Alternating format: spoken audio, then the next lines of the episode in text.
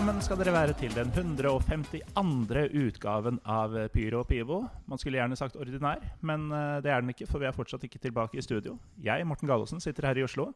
Du, Runar Norvik, sitter i Haugesund. Velkommen. Takk skal du ha. Og du, Runar Skrauseth, du sitter i Bochum og royaler deg til, som eh, det kanskje ikke går an å si. Velkommen til deg òg. jo, takk. Hvordan eh, har dere det, Runarer? Begynner med deg, Norvik. Eh, har det veldig fint. Eh, begynner, å, begynner, å, minne litt om eh, hverdag igjen. Så eh, både i jobbsammenheng og den slags. Og fotballen har begynt å rulle, og så eh, jeg har ikke så mye å utsette på noe, egentlig. Sommer er det blitt, da. Ja, for du, du er jo mediesjef i FK Haugesund. Eh, det har vært en spesiell periode på jobb de siste månedene?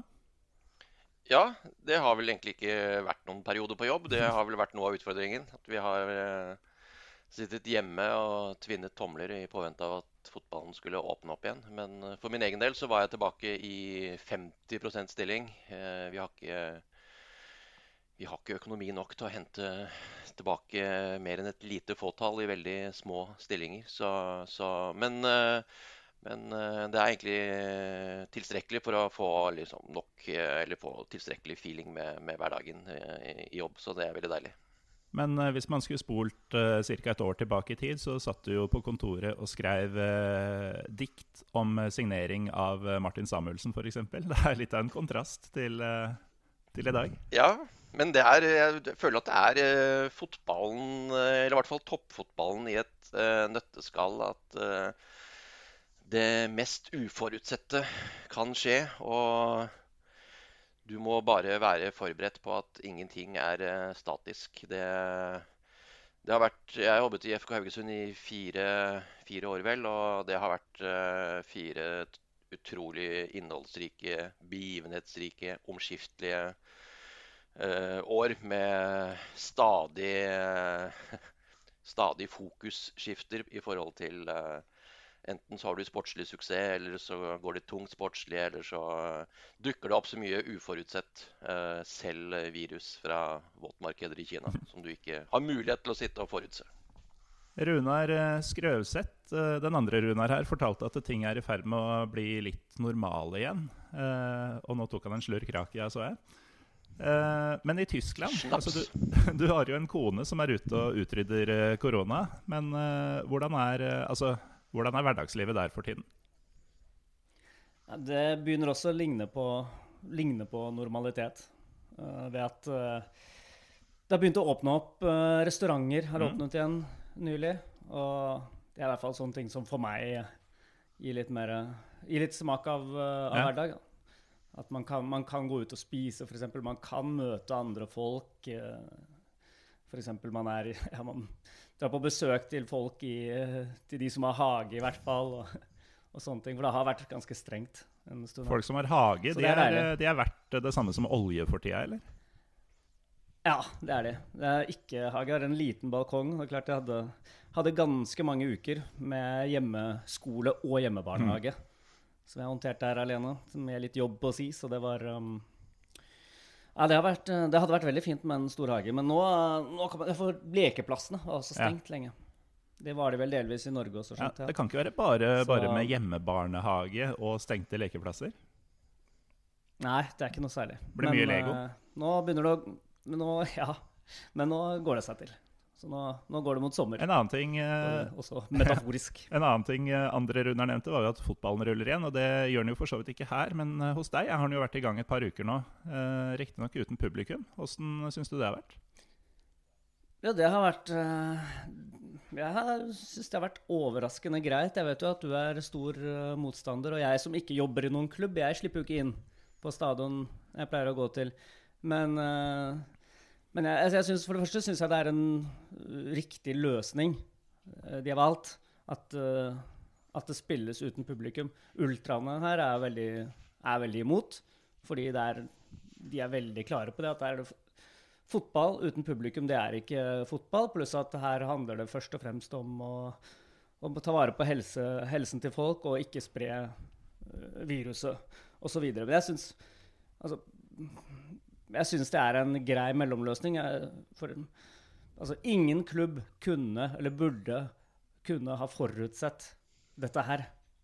Så lang tid uten fotball abrupt.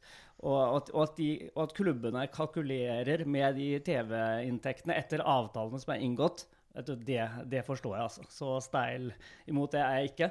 Så jeg syns det, det, er greit. De, de får spilt uh, kampene uten veldig stor virussmitterisiko. Uh, får inn TV-pengene, og så er alle fra topp til bunn og venstre til høyre og nord og sør og øst og vest enige om at uh, så snart det er mulig og forsvarlig, så skal ting tilbake til det normalt igjen. Og jeg syns det har gått an å se på kampen også. Det er jo rart, da, for man får litt sånn, får litt sånn uh, sjuendedivisjon på Ekebergsletta-vibber av disse av lydkulissene. Man hører de rope, man, og de, man sparker det er, sånn, det er, litt sånn, som når man selv spilte på veldig lavt nivå. Ja. Det er sånn Sikring! Sikring! Ja, bare, bare at uh, det er så store stadioner òg at det blir sånn garasjeekko. Ja, det blir det. Ja, det, er, det, er, kjemperart. Altså, spesielt spesielt uh, um, dårlige, altså, dårlig spill tar seg veldig dårlig ut med de kulissene. Så, sånn, sånn banale feilpasninger og sånn litt sånn uh, grove andredivisjonsdempinger og sånn. Det, det, det er virkelig stygt å se på med det lydbildet. Men det er noe av grunnen til at Mens, du har eh, blitt positivt overraska over hvor, eh, hvordan du har tatt denne versjonen av fotball. Har det litt med at ditt kjære VfL eh, Bochum har eh, respondert bra på å slippe publikum? ja, kanskje det. De herjer på koronatabellen. Jeg tror de, tror de trives eh, best ja, uten, eh, uten, sånne grinebitere som meg rett bak eh, målet der. For det er vel ingen Ikke noe sjokk for lytterne at vi skal til Tyskland i dag når, når du er med. Runar Norvik, du har jo egentlig to lag du holder med litt i Tyskland. Det ene gjør jo storsuksess, de også, med eller uten tilskuere. Arminia Bielefeld flotter seg med klaring til kvalikplassen nå. Ja, det er jo voldsomt. Eh, jeg har jo gått og venta på en eh, kollaps for eh, Arminia Bielefeld sin del. Men den synes ikke å komme. Og nå, nå har de plutselig fått ti poengs klaring ned til et Hamburger Sportsverein som virkelig har bestemt seg for at de skal ikke rykke opp. Så med seks kamper igjen så ser det jo veldig lovende ut. Men jeg tar fortsatt ingenting for gitt, merker jeg. Jeg går fortsatt og venter på at det dukker opp noe korrupsjonsgreier eller noe koronaregelbrudd som innebærer poengtrekk. Og så, og så kollapser det like fullt, selv om uh, egentlig alt ligger til rette for en uh, Bundesliga-retur for, uh, for Arminia Bielefeld akkurat nå. Kan denne iboende skepsisen eller paranoiaen eh, ha sammenheng med det laget vi skal snakke om i dag, og det som kanskje står ditt hjerte enda nærmere enn det Arminia gjør, og dine erfaringer med det laget? Ja, definitivt. Uh, 1860 München, som er tema i dag under fanen kaosklubber. Uh, med rette. Det er et sted de virkelig hører hjemme i en podkastsetting, så er det, er det her. Uh, har aldri bydd på de helt store oppturene.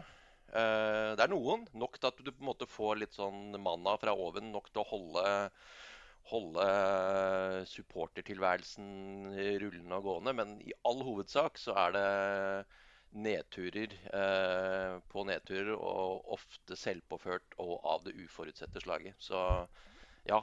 Eh, 1860 München har herda meg gjennom mange år. Mm.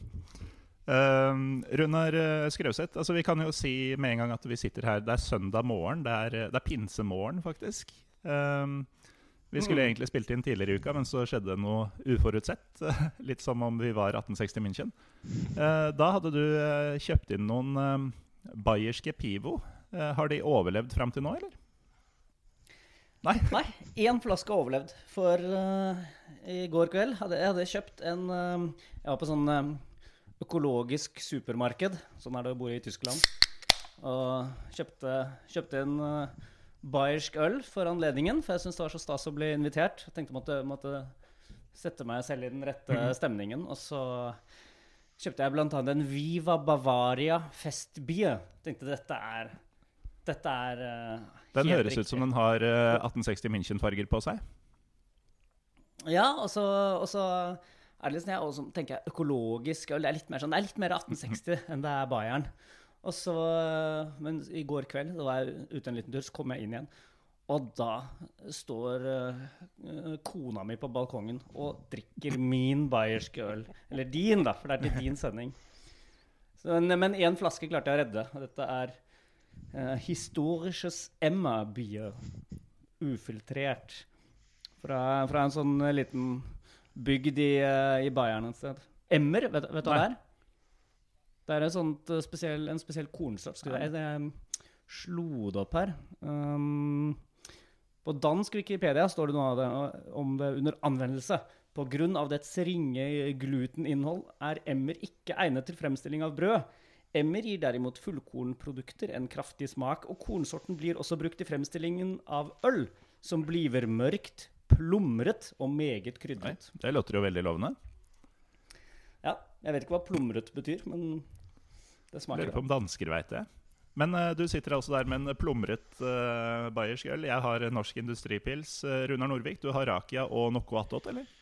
Ja, jeg har uh, et assortert utvalg av diverse herligheter. Jeg har øl, og så har jeg Jeg har ikke Rakia. Jeg har det second best. Jeg har østerriksk snaps som langt på vei tilsvarer en William Oka, Williams per Rakia. Uh, klarer vel egentlig ikke å kjenne noen forskjell. Så hadde jeg blitt uh, eh, testa i en blindtest, så ville jeg vel sagt at det var en uh, serbisk uh, Serbisk eh, Rakia, 97-årgang. Eh, sannsynligvis fra noe halvtørt kornområde i Smederevo, ville jeg ha sagt. Ja, det ville du sagt. ja, men Det er fint. Da har vi etablert at vi på ingen måte holder hviledagen hellig. Uh, og da kan vi jo egentlig begynne med deg. Uh, først, Dere heter Runar begge to. Det blir litt klønete dette her. Skal, det, skal, jeg bruke etternavnet deres, eller skal jeg bruke kodenavn? Eller hvordan skal dette bli framover? Ja, det får du som programleder bestemme. ja, nei, Vi får bare se, se hvor det bærer, da. Har, uh, det er tidlig på morgenen for meg, så jeg har ikke lagt noen slagplan for denne problematikken ennå.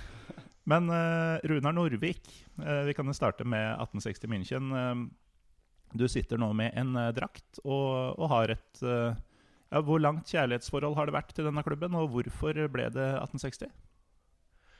Uh, eh, det ble 1860 i sin tid fordi jeg fant navnet igjen på noen tabeller i et gammelt fotballblad som som eh, eksisterte noen år på slutten av 70-, begynnelsen av 80-tallet som Sporty bilder. Og de trykket Dette var jo før tekst-TV, før Internett, før alt. Eh, og de trykket eh, en gang i måneden eh, helt bakerst i bladet tabeller fra de store ligaene. Og nederst på Bundesliga-tabellen det ene året så lå 1860 München. Et veldig morsomt navn. Uh, som jeg bare ble hekta Eller jeg ble ikke hekta på det, men jeg bare merket meg det navnet der og da. Og så ble det liksom fast ritualet å slå opp på disse tabellene med en gang den nye neste utgaven av Sport i bilder kom, for å mm. se om 1860 München hadde klatra på tabellen. Det hadde de jo aldri. Men uh, uh, Og så gikk Sport i bilder Ja, det, gikk, det, ble lagt ned. som alle andre gode kvalitetsmagasiner, hadde jeg sagt. Så så øh, tenkte jeg ikke så mye på 1860 München i en del år. Men så dukket vel navnet opp igjen i møte med en litt mer sånn moderne tidsalder. Uh, når tekst-TV kom, og ikke minst når Internett kom. Uh, hvor det ble uh, en uhyre enkel oppgave å være veldig hands on på, mm. på, 1860 München og få med seg alt hele tiden hvis man ville. Og det ville jeg. så Kjærlighetsforholdet mitt 1860 de har vel pågått siden midten av 90-tallet. Eh, I takt med at de, det jeg kaller epoke 3 da, i 1860 München-historien. Eh, den store oppturen, en tiårsperiode der som, som var eh, for 1860 München sin del gullalderen i nyere tid. Og når var denne tiårsperioden? Ja, Den begynte 90, tidlig 90-tall, 92-93. Eh, og så strakk den seg ti år frem i tid, hvor alt kollapsa i en endeløs rekke av eh, episoder som man vel stort sett bare finner i, i, i samme omfang i én klubb, og det er 1860 München. Det er andre klubber som også opplever uh, ting og tang, også i Tyskland. Men 1860 München føler jeg er vel kanskje den klubben som evner å få absolutt alt i fanget. Uh, og som i, i, en fotballkultur og i, i, et ligasystem hvor man liker å tenke på klubbene som veldig veldrevet og godt organisert og, og veldig like, da, uh, skiller seg ut uh, i, i, negativ retning uh, med tanke på hvordan klubben har blitt drevet i, mange, mange år. Jeg kjenner meg jo litt igjen i i det du sier med, med tekst-TV spesielt. For uh, under denne storhetsperioden, altså la oss si sånn 1994, 1995, 1996, så begynte jeg å utforske både fotball og tekst-TV samtidig, som 10-11-12-åring. Og da var jeg jo en av dem Det passer jo veldig godt sammen. de to tingene. Når jeg var, var 11-12 år Tek Tekst-TV er veldig kjedelig uten fotball. Eh, når jeg var 11-12 år, så begynte jeg å utforske helt andre ting, merker jeg. Men tekst-TV der, altså. Vel, vel. Ja, noen ting foregikk på dagtid, andre ting foregikk seinere på dagen. Men uh, i hvert fall jeg var en av dem som da bladde gjennom uh, alle tabeller i alle idretter og hadde liksom ett lag overalt. Så det var Jeg hadde et lag i, uh, i svensk fotball, i fransk fotball. Altså, dette var ligaer som jeg hadde aldri sett Altså Jeg visste ikke hva slags drakter noen av lagene hadde engang. Det var bare navn på tekstskjermen. Uh, jeg, hadde, jeg holdt med et uh, lag i norsk bandy og norsk kvinnevolleyball. altså det, det, var Hvor det nå enn var en tabell, så fant jeg meg et lag som jeg fulgte uh, utviklinga til. Og um, Krong? Ja, det, det, var ikke på Lavtbordsserien i Krong? Jeg tror ikke jeg fant det på, norsk, på NRKs tekst-TV. Men hadde det vært, så hadde jeg selvfølgelig holdt med et av lagene der òg. Men uh, i Tyskland så ble det faktisk 1860 München da jeg var liten. Uh, som jeg hadde et veldig overfladisk forhold til. Og uh, innimellom, jeg lurer på om det var på TV Norge, sånn i 1995, 96, 97, en gang der et sted, så dukka det opp noen sånn Bundesliga-høydepunkter. Uh, og da så jeg jo faktisk et par av spillerne, og da hadde de jo både Peter Novak og han uh, faren til Aju-gutta, han uh, Pelé, som han kalte seg, som jo hadde putta et par mot Norge for Ghana mm. omtrent på samme tid. I tillegg til ja, en, en, del andre spillere som så Horst Helt, f.eks., med hestehale og greier. så det etablerte seg faktisk litt. Det ble ikke sittende i. da Så jeg vokste opp og hadde liksom ikke noe tysk lag likevel. Men, men jeg har hatt et varmt forhold til 1860 München på et vis en gang i tiden. Skrøvseth, hva, hva tenker du når du hører 1860 München? Altså jeg, jeg, har et, selv et veldig overfladisk, avslappet forhold til 1860 München. Men, er, men, jeg merker at det er en, det er en klubb man man som si, utenforstående i Tyskland ønsker alt vel. For sånne, sånne kaosklubber alle, alle, liker å le litt av kaosklubber som ikke er ens egen klubb. Mm. Uh, sånn som uh, en annen klassisk tysk kaosklubb er, uh, er Hamburg eksempel. Det, det, så det, jeg ler ganske hjertelig av Hamburg. Jeg har også vært der og liker på en måte HSV, men, det, men det, kan jeg litt lettere le av fadesene der. Eh, ah, når det gjelder 1860, så kjenner jeg at latteren blir sittende litt fast i halsen. Fordi man ønsker dem egentlig godt. De har fantastiske, fantastiske fans. Jeg har sett dem flere ganger her i Bochum som, som bortesupportere. Det er en lang vei, det er mange timer fra München. Om det er fredag, lørdag, søndag eller mandag. Uh, tabellsituasjon helt uh, spiller ingen rolle. Alltid kommet med flere tusen fans og veldig bra stemning. Jeg var der en gang på, borte, på bortekamp der også, i cupen. Da de fortsatt var på Allianz Arena. Og veldig, veldig fint. Selv om Allianz er helt håpløs, så er det ja, det, er en, det, er, nei, det, er en, det er en sympatisk klubb som har, har mye godt i seg. Men så, man, man vil egentlig hadde 1860 München vært et menneske, så ville man ha klappet dem uh, ømt på hodet. Og, og, sagt at vet du, i morgen blir det bedre. Når du sier at allians er helt håpløst, mener du da generelt eller som hjemmebane for 1860? Uh, eh, nå mener jeg som, som, generelt, så nå tenker jeg sånn, eh, som stadionopplevelse ja, og sånn reiseminner. At det er, det er uh, Ja, det er veldig lite intimt. Uh, og og så var det for få folk der. Det var 30 000 mm. eller noe sånt på den kampen, som jo egentlig er ganske kult. Det var en åttendelsfinale i cupen. Uh, den laget som ventet i kvartfinalen, var Bayern München. Så det var en ganske, en ganske svær happening, også for 1860. Mm. Uh, og det var flere tusen bortesupportere, men man blir liksom, det drukner i, ikke, i den litt sånn kjedelige arkitekturen der. Uh, og så har Allianz Arena vært en stor katastrofe for klubben 1860, men det kommer vi sikkert tilbake til, tenker jeg. Det gjør vi nok. Runar Norvik, det har jo vært uh, en del nedturer i det siste, men det må jo være litt digg å være tilbake på Grünwalder uh, stadion?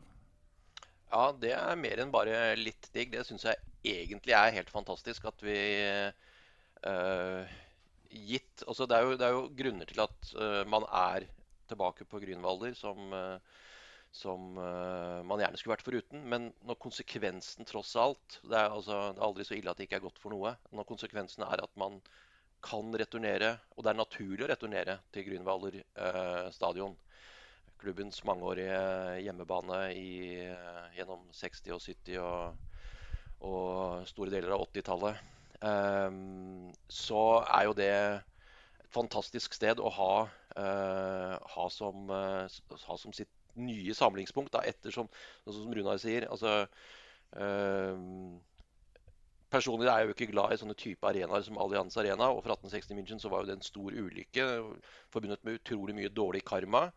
Og lite funksjonell stadion egentlig, når du ikke klarer å fylle den mer enn halvveis, sånn som 1860 stort sett uh, klarte. det. var noe, Ved noen anledninger så fylte de, fylte de stadion, de også, i noen utvalgte kamper. Men uh, den var jo overdimensjonert for 1860s behov, for de rykket jo ned samtidig med at de tok, eh, skulle ta stadion i bruk. Mm.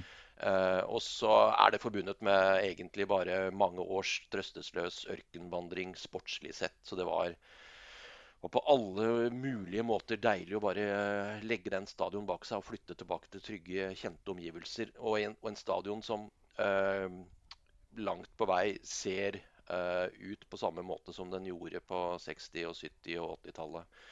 Uh, som er med å gi 1860 München uh, I den grad de trenger mer særpreg, så, så er det jo en av få klubber som spiller på den type stadioner i, i, dag. Jeg har aldri vært der selv, men den ser helt fantastisk sjarmerende ut. Det er, de har fortsatt eh, Det er jo sikkert litt gimmick også, men de har fortsatt vel en sånn manuell måltavle.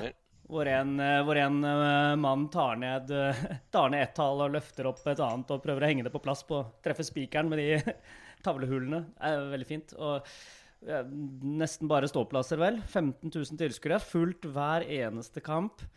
Og, og, og navnet heter den ikke Oversatt til norsk heter den vel noe sånt som uh, det kommunale idrettsanlegget i Grunwalder Strasse.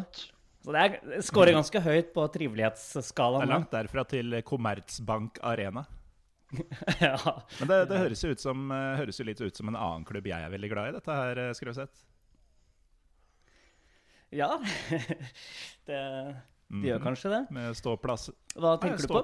Og manuell scoreboard. Det er jo rett fra skauen i Køpenick. Det, det, er det. det, er det. Men uh, hvis vi skal lage en slags tidslinje her, da. Vi har jo både nevnt litt om en slags storhetsperiode, og vi har ymta frampå om at ting er ikke så bra for tiden. Uh, men hvis vi starter med starten, et litt åpent spørsmål til panelet her. Um, navnet 1860 München. Jeg formoder at uh, denne klubben har røtter fra året 1860? Ja. Um, formell stiftelsesdato er vel 17. mai 1860. Eh, egentlig så ble klubben forsøkt stifta noen år tidligere, men den ble oppfattet av ulike grunner som jeg ikke skal eh, komme med noen lang utredning om, fordi det kjenner jeg ikke så godt til. Men eh, myndighetene besluttet klubben nedlagt og forbudt i omtrent samme øyeblikk som den ble forsøkt stifta mot slutten av 40-tallet en gang. Så, så, hentet man den frem igjen og stiftet den da formelt sett på nytt i 18, 1860. Uh, så allerede, allerede, da burde, man, burde, noen luktet lunta hva som kom til å skje med den klubben. Ble forsøkt stiftet. og så, det, så, kom stiftelsen i orden en sånn 15 år senere. Det, det, er, ikke, det er ikke alle klubber som bruker 12 år fra, fra, ideen oppstår til de klarer å hamre gjennom en eh, stiftelsesdato. Vanligvis løses sånt veldig fort i et nedlagt sykkelverksted av noen 12 eh, år gamle gutter. Men 1860 eh, München de, de, de brukte røftlig 12-13 år på, på den jobben. Vi hadde jo en eh, kalenderserie før jula for et halvt år siden nå, eh, hvor vi gikk gjennom eh, diverse lands eldste fotballklubber, og historien var stort sett sånn Man begynte å spille, sparke litt på en skole, og så bare starta man en klubb. Så enkelt var det altså ikke i München. Men så har vi også vært inne på at det var en slags storhetsperiode på, på, gjennom 90-tallet. Men eh, hva med de første 130 årene? Har det vært noe å bite seg merke i? Ja, eh, bare, bare en ting til til stiftelsen og disse tidlige årene der. Det er flere tyske klubber som har sånn utrolig tidlig stiftelsesår. Her i Bochum, f.eks. 1848? 1848. Men det var turn, eller gymnastikk, de drev med da. Samme var det i München Mm. i starten. Så fotball senere. Men ja, den første, den første og største Den aller første ja, Du hadde jo forskjellige navn på, tallnavn på disse epokene, Runar. Men den første gangen de var virkelig gode, var vel under nazitiden. Ja. Som er et sånt dunkelt kapittel selvfølgelig i klubbens historie. For de som ganske mange andre klubber var eh, ganske ganske sterkt uh, fornetst. Så nazitiden var egentlig gode tider for ølhaller og fotball i München by? Det var det. Og der var 1860 hadde ganske mange svinn på den skogen. 1860 München de var jo uh, en del av tysk toppfotball. Den var jo organisert på helt, en helt annen måte den gang, med sånne et utall regionsavdelinger gjennom 30-tallet og, og sånn. Og 1860 München hevdet seg alt, stort sett alltid bra i den avdelingen som vel da favnet eh, Bayern. Eh, og gikk sånn tålelig bra når de siden gikk til sluttspill og litt forskjellige sånne ting. Eh, men, eh, men eh, vant aldri Vant vel aldri noe, tror jeg, på 30-tallet. Så jeg kan ta feil. De var, de var nære eh, lenge. Eh, og, og, og så ble de betraktet av nazistene som nazistenes egen klubb eh, på slutten av 30- og, og begynnelsen av 40-tallet. Så hvis du var en god nazist i Tyskland, så skulle du holde med 1860 München. Eh, og som jeg sier, dette er jo ikke noe klubben flagger veldig høyt i dag, men den legger heller ikke skjul på det. Altså, dette er en del av historien, ikke som man er stolt av, men som man finner det nødvendig å fortelle likevel. Mm. Og i dag så er det jo ikke akkurat uh, veldig representativt for 1860 München som klubb. Uh, høyre, høyre, høyrefraksjoner og den slags. Det er andre klubber som sliter i langt større grad med, med den slags. Men det er jo uansett et eh, hva skal vi si, sympatisk trekk å ikke prøve å grave det ned, da, men å eie det og si at jo, det her skjedde, og det, det kan ikke vi i dag noe for, og vi eh, står ikke inne for det, men, men det er som det er. Ja, hvis, hvis du går inn på hjemmesiden til 1860 München, så, så står det vel ikke akkurat omtalt i veldig store bokstaver i den historiske gjennomgangen. Jeg har ikke vært inne og sjekka, men jeg blir overrasket hvis de vier mange avsnitt til akkurat dette her. Men dette er noe Hvis du reiser til München, eh, eller 1860 München og på treningsanlegg og snakker med folk og sånn, så, så snakker de om nazifortiden sin på en ja, som om det skulle vært eh, glansperioden på, på 90-tallet, altså med like stor selvfølge. Eh, så så eh, dette er på en måte ikke noe man eh, fornekter, fordi det ville vært litt fånytt også. Dette er noe eh, stort sett alle i, i Tyskland vet veldig godt. da. Eh, apropos det, altså for lyttere som eventuelt er interessert i å høre mer om nazifotball, så har jo Dritte Halbside, som du Runar Skrauseth eh, lager sammen med Eivind Biskår Sunde og Asbjørn Slettemark, dere har jo virkelig holdt koken eh, til tross for eh, lite fotball. Og eh, i flere av episodene dere har lagd denne våren, så har dere snakka om denne Gauliga. Som eh, Kan ikke du fortelle veldig kjapt hva Gauliga var? Gau-liga var eh, denne, denne, Det var toppligaen i det ligasystemet som nazistene organiserte. Som var delt inn i 16, tror jeg, regioner. Så Gauliga Ja. Gauliga var også med sånn regionalt etternavn, eller lokalt etternavn. Så, Nazifotball, rett og slett. den, det var rett og slett nazifotball. Ja. Det var ikke alle klubbene der som var nazister, men det var, det var nazistene som organiserte fotballen. sånn. Men de, de, topp, de toppnazistene Vi har jo prøvd å Vi syns det er veldig gøy med I podkastsammenheng syns vi det er veldig gøy med sånne gamle historier og anekdoter og sånn som vi har prøvd å finne ut Uh, Vi har egentlig ønsket oss sånne, når vi har snakket om Gauliga, vi har egentlig ønsket oss sånne skikkelig morsomme gamle fotballhistorier med eh, Goebbels og Hitler og disse her med, fot, med sånne fotballanekdoter, men det, det, har vært veldig vanskelig å finne. For det, det viser seg at disse toppnazistene var egentlig nesten ingen av dem som hadde noen som helst interesse for fotball. Fotball var en uren, var en uren og skitten sport.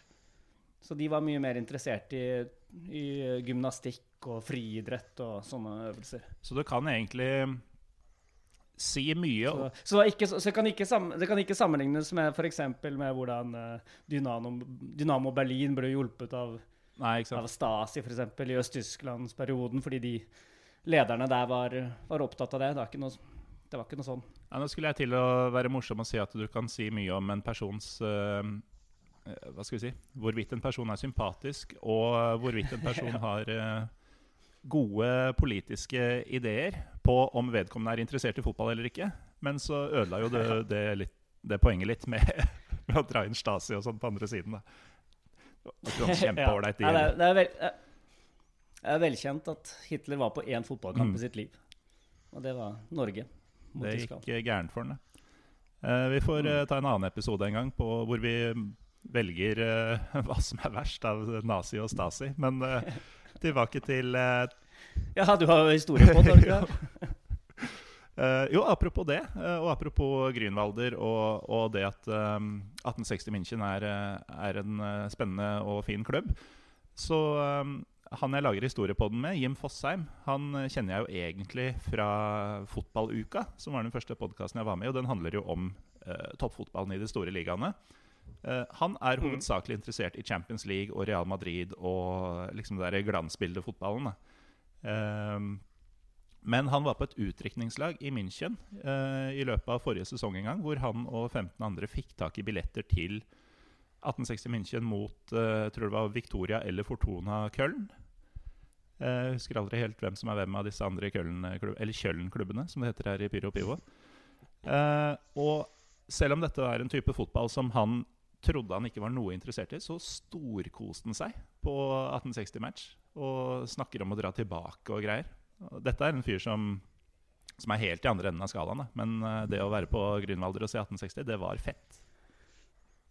Ja, vi, vi, hadde eh, forrige sesong nå hadde vi en, eh, noen lyttere fra Dritte Halbseit som var der og rapporterte, rapporterte derfra. Det var en jentegjeng på 15 stykker eller noe sånt.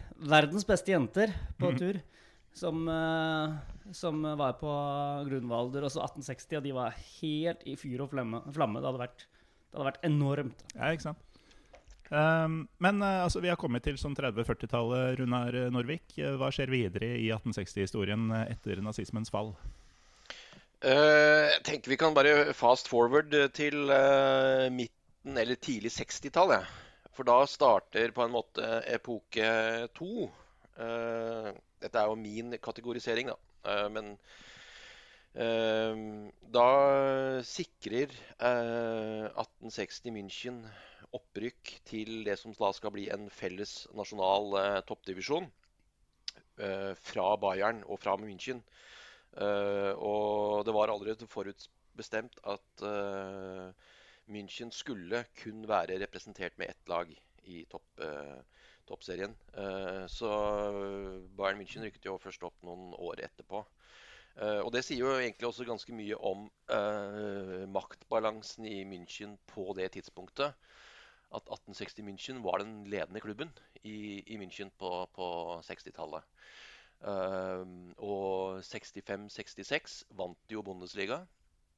Uh, hadde et fantastisk bra lag. Uh, nådde semifinale i Europacupen påfølgende år. Ble på nytt nummer to, vel, i sesongen 66-67. Dette var jo liksom rundt tiden da Tyskland for alvor uh, hevda seg Eller altså tok gre altså festa grepet i, som en gigant i internasjonal fotball. De spilte jo VM-finale året før i England. og, og sånne ting. Så, så var, du, var, du, topplag i Tyskland, så var du blant de beste klubblagene i verden, rett og slett. Så enkelt var det. Mm. Uh, og Ehm, så, så da, da, var jo, da var jo 1860 eh, München en, en uh, gigant, uh, tør jeg påstå, i, i tysk fotball, som, som, fikk ut potensialet sitt. Uh, det potensialet som lå i München, og som ligger i München. og så gikk det jo gradvis nedover frem til sånn tidlig 70-tall. Altså man ble gradvis dårligere for hver sesong. De beste spillerne var i avgang, ble eldre. Og så, ja, så rykket man jo da til slutt ned tidlig 70-tall. Men det var noen år på 60-tallet der som som er innprenta i 1860 München-historien med, med, med, gullskrift, hvor, uh, hvor uh, stort sett alle spillerne har velfortjent legendestatus, vil jeg påstå. Men der var det også noe umiskjennelig 1860 Münchensk over det. For det, det mesterlaget fra 1966 det er, det er veldig betegnende, syns jeg, for klubben. I hvert fall nå man kan sitte i 2020 og liksom skal skue tilbake i tid. Så er det noe veldig betegnende over at dette mesterlaget fra 1966, midt i deres største sesong noensinne, så begikk de mytteri mot treneren, Max Merkel, den østerriksfødte Max Merkel, som i seg selv høres ut som en tegneseriefigur, men det er noe, det er noe så. Og organiserte endte opp med at spillerne organiserte treningene selv. Så de, de, de, de, kan, de, kan, ikke engang vinne, de kan ikke engang bli ligamester uten å stelle i stand borgerkrig på eget treningsfelt. Så de det, det, var ikke et mytteri som liksom varte litt, og som ble slått ned, og så fant de en løsning? Det bare fjerna treneren og fortsatte på egen hånd? Nei, han, han satt til sesongen ja. etter. Han forsvant under sesongen etter. Men det var veldig dype konflikter uh, med, med, mellom Max Merkel og, og spillerne. Spesielt. Og han, han, han, han, sånn, Merkel har masse sånne morsomme uttalelser også. Jeg vet ikke alt hva han, hvor alvorlig han mente alt, men en han hadde, var Han fortalte en gang han satte opp eh, en treningskamp mellom alkoholikerne og ikke-alkoholikerne. og alkoholikerne vant 8-1. Altså. Og, og, han, han, han forlot klubben, for, forlot klubben først da, etter å ha slåss med keeper Radenkovic. Altså alkoholikerne i troppen mot ikke... I troppen, ja. Mot ikke-alkoholikerne i troppen. Den beste spilleren på dette laget, Bruno Meier, han var jo en uh, notorisk dranker. Uh, og gikk jo i stor grad til grunne etter at karrieren var over. Eh, så han spilte nok for alkoholikerne, og han var også den beste spilleren. Så det var ikke rart de, de vant internoppgjøret. Men denne Radenkovic, den hissige serberen, de hadde i mål. 1860 eh, München var jo en av de klubbene som faktisk eh, retta blikket mot det gamle Jugoslavia og henta en del spillere der. Blant annet en, en meget bra og myteomspunnen keeper med et hissig gemytt, som, som, som, var den som fronta dette spilleropprøret. da. Og han mm. var en mye sterkere karakter og personlighet enn en det Max Merkel var.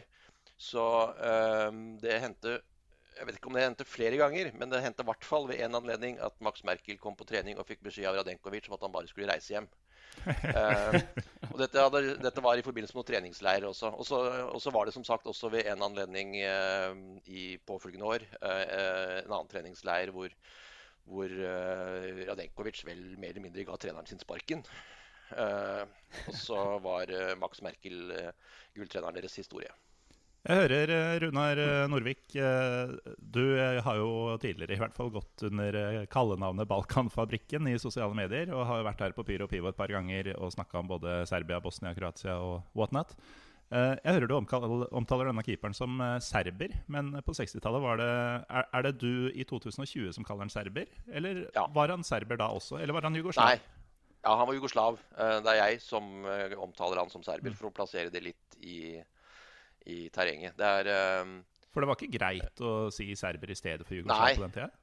Nei, begrepet serber eksisterte jo i veldig liten grad. Det var Uh, Tito hadde på det tidspunktet lyktes tilnærmet fullt ut å viske ut uh, etniske begreper innad i mm. Jugoslavia. Man var, uh, han var opptatt av jedinstvo og bratstvo, enhet og brorskap. Og hva du var og hvem du trodde på og sånn, var helt sekundært og underordna.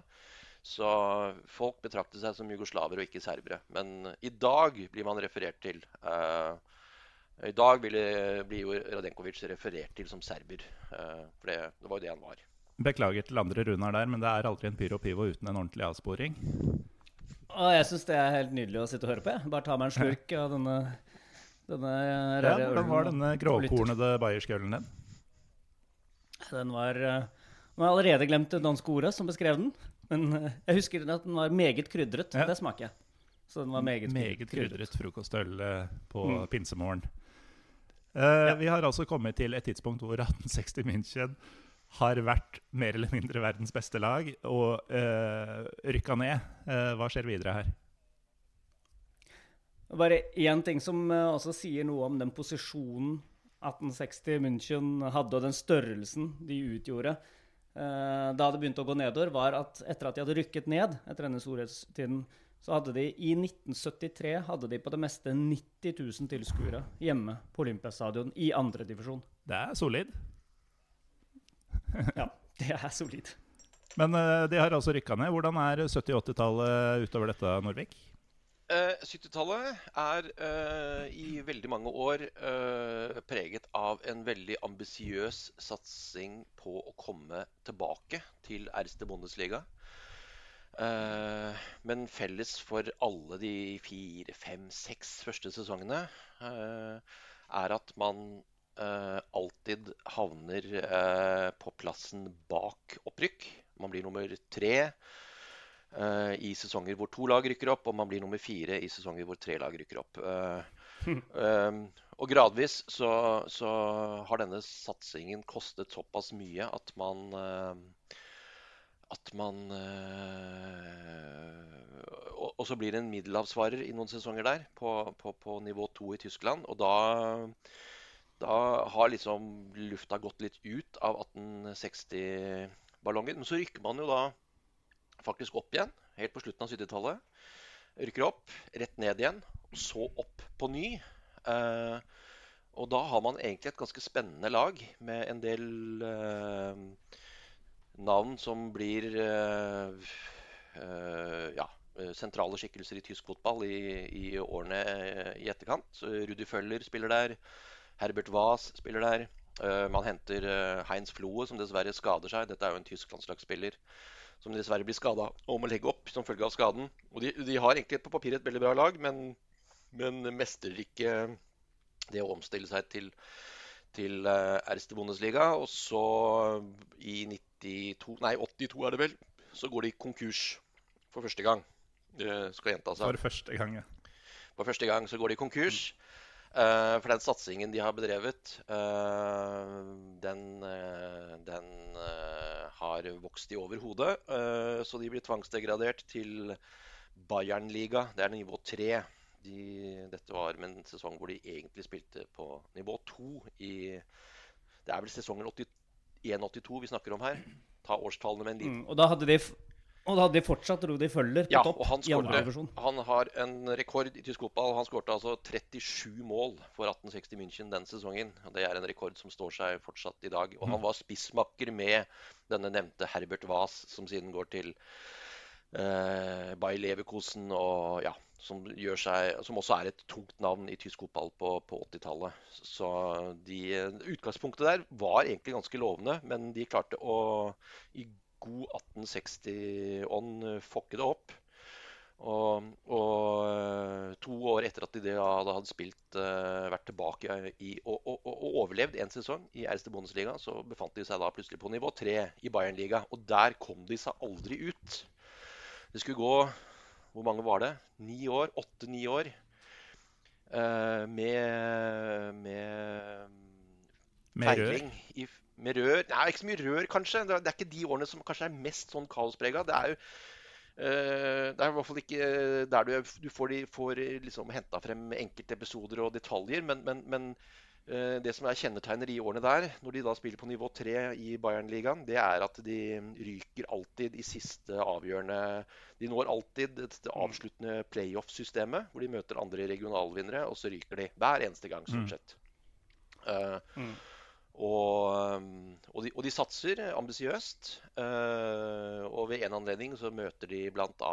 Schweinfurt i en avgjørende playoff, eh, som da blir ledet av en mann med navn Werner Lorant. Og så ryker de Dette er vel på slutten av 80-tallet, 88-89 eller noe sånt. Og eh, ryker da mot lille Schweinfurt. Altså Hvis Max så- Merkel var en tegneseriefigur, så er eh, Schweinfurt tegneserielaget han trener. Ja. Det, det var da altså da Werner Lorent som, som ledet troppene der, og han skal jo da eh, noen år senere eh, komme inn stadionportene på treningsanlegget til 1860 München og snu opp ned på det meste. Eh, før Werner Lorent kommer, så har 1860 München ved en anledning rukket, eller klart å rykke opp igjen til Tveite Bundesliga, bare for å rykke rett ned igjen.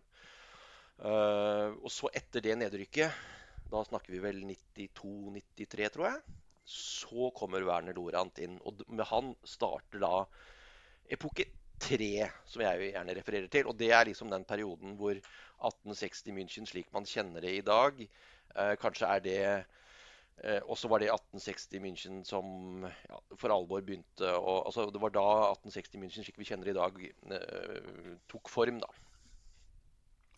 På den, på, I løpet av disse årene i Bayernliga så hadde de tolv trenere på ni år, som er utrolig mye på den tiden. Uh, men en, en morsom ting jeg syns uh, fra, fra, den tiden der, som også skjedde like før dette Lorant, uh, denne Lorant-epoken begynte, var at da var de virkelig forut for sin tid. For da hadde de kvinnelig president. Yes. En kvinnelig turner. Lise-Lotte Knecht som klubbpresident. Lise-Lotte, vet du. Og det, var hun, ja, og det var hun som ansatte den tolvte og siste treneren i denne perioden som faktisk klarte å ta dem opp fra Bayernliga. Eh, men så rykket de rett ned igjen. Og så kom, eh, kom da ja, i 92, som den andre Runar sier, at, uh, at Lorand kom. Og han kom sammen med en Det var fordi Liselotte Knecht gikk av som president, og inn kom Karl-Heinz Wildmoser. Uh, som uh, overtok som president. Og det var han som tok med seg denne eks-Schweinfurt-trener Werner Lorant. And the rest is history, kan man vel nesten og dette, si. Dette er jo de to uh, skikkelsene som skal ha, på godt og vondt, æren for oppturen og nedturen igjen til 1860 i München de neste ja, de, de, neste drøye ti, ti årene. da. Eh, Wiltmoser og Laurent, uten de to så hadde ikke eh, 1860 München kunnet se tilbake på, på eh, det 90-tallet de nå en gang faktisk fikk. Det tror jeg er rimelig klart. Og det var jo på eh, som vi kommer tilbake til litt senere. altså Et tidspunkt hvor det var litt stabilitet, tross alt. Altså det var, det var mye tull og tøys og kaos, som vi kan komme litt tilbake til senere. Men, men da var det én sterk mann ikke voldsomt mye fraksjonering, uh, sånn som 1860 München ellers er både berykta og kjent for, i, i, i ledelsen av uh, klubben. og så hadde man en meget sterk mann på trenerbenken som, som ikke fantes en kjeft som turte å opponere mot, og som definitivt ikke ble sendt hjem fra treningsfeltet eller avskilta på treningsleire for å si det sånn av spillerne. Det ville aldri skje. Men men nesten utrolig at eh, to sånne vanvittige alfahann-okser som viltmoser og Lorant gikk så godt sammen i så mange ja, år. Det, dynamikken der var jo litt spesiell. De, de hadde sine feider hele tiden. Uh, men de var også de to som var tettest allierte. Uh, og som ga hverandre ryggdekning. Og Werner Lorant uh, levde ganske trygt og fikk lov til og fikk frie fullmakter av Karl-Heinz Wilmoser i forhold til uh, signeringer med mer. Um, uh, men dette var to ekstremt sterke uh, personligheter, som Runar sier. som det ikke var gitt at skulle Det kunne blitt et veldig kortvarig samarbeid, men det varte og rakk. Og, og var de primære grunnen til at 1860 München faktisk ble en toppklubb i Tyskland igjen. Ja, så du bruker uh, ordet 'sterk mann' om uh, begge to. Og uh, eh, 30-tallet viste oss jo at både byen München og laget 1860 reagerte positivt på sterke menn i, i bybildet. du sier også at de ble en toppklubb. Jeg mener å huske at det var litt sånn utfordring om medaljeplass i hvert fall et år eller to. og at man vel kom med i Uefa-cupen et par ganger. ja, man nådde faktisk Champions League, kvalifiseringen. Mm. Man ble nummer fire eh, i 2000 eh, og, Hva var det, da? 2001? I, I 2000. Ja, 2000, ja. 2000. Ble, man, eh, ble man nummer fire og spilte Champions League-kvalifisering mot Leeds og tapte den. Og det tapet det ble på en måte også starten på nedturen igjen. Men innen dess så hadde det jo skjedd veldig mye gøy for 1860 München. Men det stemmer det at de, de spilte De nådde en Uefa-cup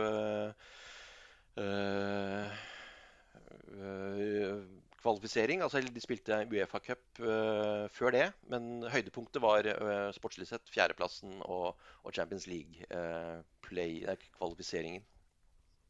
De slo vel Real Madrid i Uefa-cupen? Ja, altså de hadde... Jeg mener de, eller, eller jeg mener de, de vant var det vant 1-0 hjemme, og så tapte de 3-1 borte, Stemmer. tror jeg. De tapte knepent dobbeltkampen, men vant den. Ja. Stemmer. Tenk at i sånn noenlunde moderne tid så har 1860 München slått Real Madrid i en tellende kamp.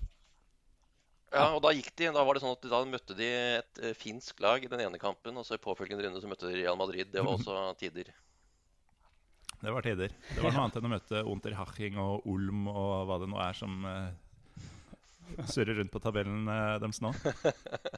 Men eh, altså før vi går videre til For det er jo virkelig 2000-tallet som er, er det store kaosopplegget, i hvert fall for oss som er på vår alder da, eh, og har sett det på mer eller mindre nært hold. Men eh, du sier at det, det var mye gøy eh, før ting gikk til helvete, Runar Norvik. Eh, er det noe mer du vil legge til der enn eh, seier mot eh, finske lag og Ja, det er en god del, rett egentlig.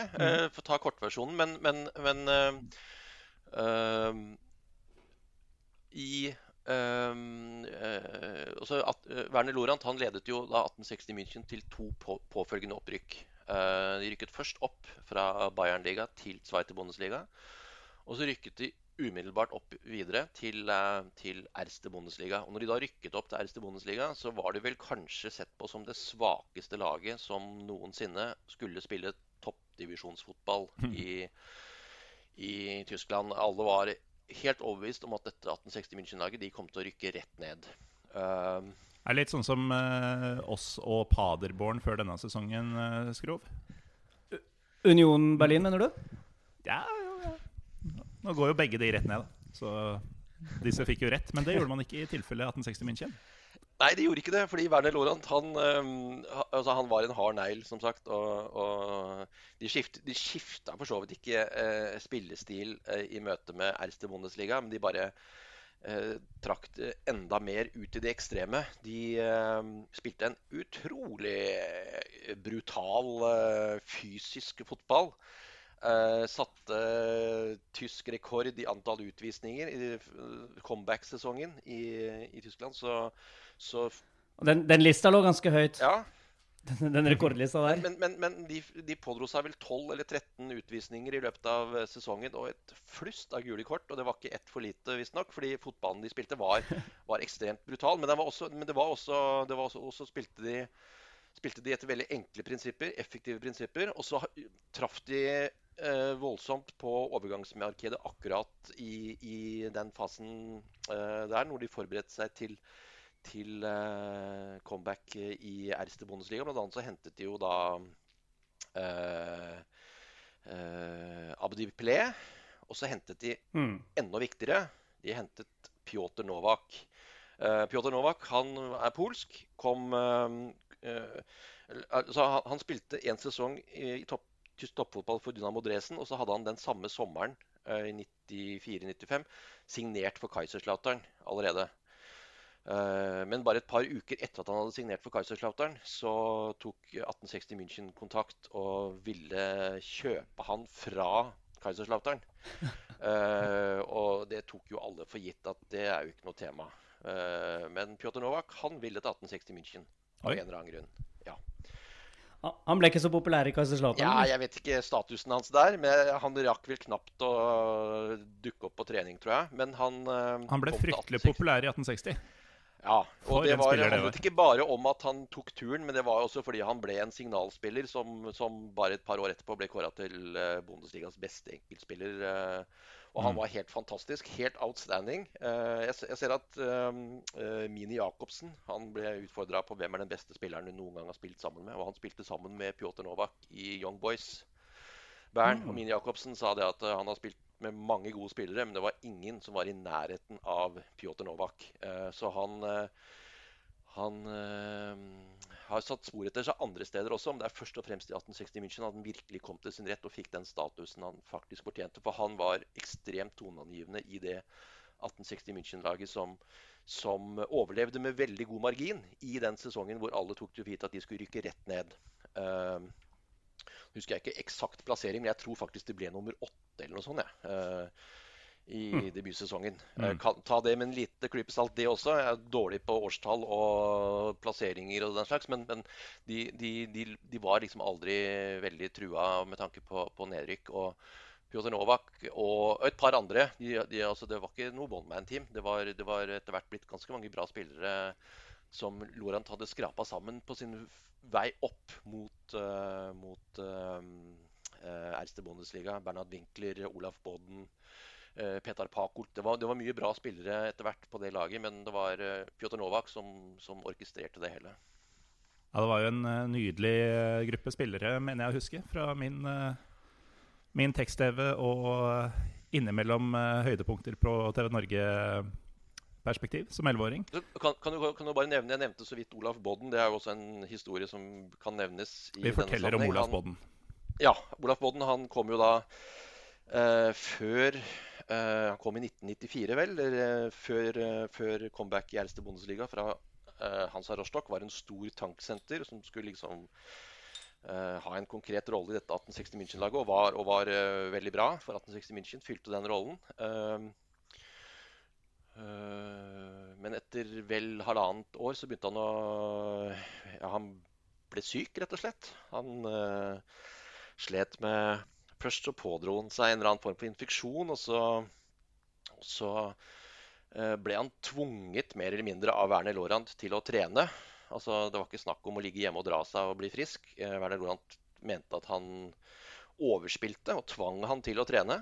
Eh, og spille kamper og den slags. Og Olaf Bodden ble bare dårligere og dårligere. Og til slutt så mm, var det helt slutt. Og Olaf Bodden han måtte da legge opp noen i 96-97 eh, pga. Eh, kronisk utmattelsessyndrom. Og han var eh, Nå ville han sannsynligvis blitt syk uansett, men, men eh, dette treningsregimet som han ble tvunget til Det gjorde han ingen eh, tjenester? Gjorde han på ingen måte noen tjeneste. Så, så det er jo også en stor skrape i lakken til uh, Werner Lorant. Og Olaf Bodden han har dessverre aldri kommet seg. Så han eh, er mer eller mindre 100 uh, uh, paralysert rullestolbruker. Og, og, har ingen utsikter til å bli frisk igjen, dessverre. Så han har tilbrakt de siste 25 årene i en liten leilighet innelåst mer eller mindre 24 timer i døgnet i en forstad til München. dessverre. En tragisk, tragisk historie, men en spiller som som rakk å gjøre mye i løpet av karrieren sin, og, og som var veldig god i 1860 München. Han var veldig god i 1860 München, og det var det mange som var på den tiden. Men uh, alle gode ting måtte jo ta slutt. 2000-tallet begynte, og nå blir, det, nå blir det gøy for Skrauseth og meg, men ikke så gøy for deg, eh, Norvik? Jo, det er fortsatt mye gøy i vente. Ja. 2000, da, uh, da I takt med, at, takt med, at, 1860 München uh, uh, etablerte seg som et lag på øvre halvdel i, i Bundesliga. De vant doble oppgjør mot Bayern München. Slo de både hjemme og borte en sesong. Mm. og var liksom en uh, De var en etablert toppklubb i Tyskland på slutten av 90-tallet begynnelsen av 2000-tallet. Og så begynte de å bruke penger. De begynte virkelig å bla opp penger og henta masse spillere. Henta Erik Mykland. Ja. De henta Thomas Hessler. Det gjorde de. Mm. Fra, han hadde hatt et litt sånn mislykka år i Borussia Dortmund, må det vel ha vært, etter at han kommet tilbake fra Italia. Um, og fordi han hadde Ja, Hesler kom vel fra Italia, signert for Karlsroe. Hadde én sesong i Borussia Dortmund, og så dro han til 1860 München. Og var veldig god. Um, og det var jo det, dette var liksom den perioden hvor de, hvor de da skulle spille Champions League-kvalifisering med mer. Og så mm. signerte de en lang rekke også øvrig veldig bra spillere. Borimirov hadde kommet mange år før fra Bulgaria. Mm. Uh, men så skjedde jo det, da. Eller, og så hadde de, hadde de, også en, de hadde også en fotballgodt. Det er sånn typisk greie i Tyskland er at de, de fleste klubber, eh, lag, har en fotballgodt. Og det er, det er en som fansen rett og slett bare kårer til fotballgodt. Og det Altså har.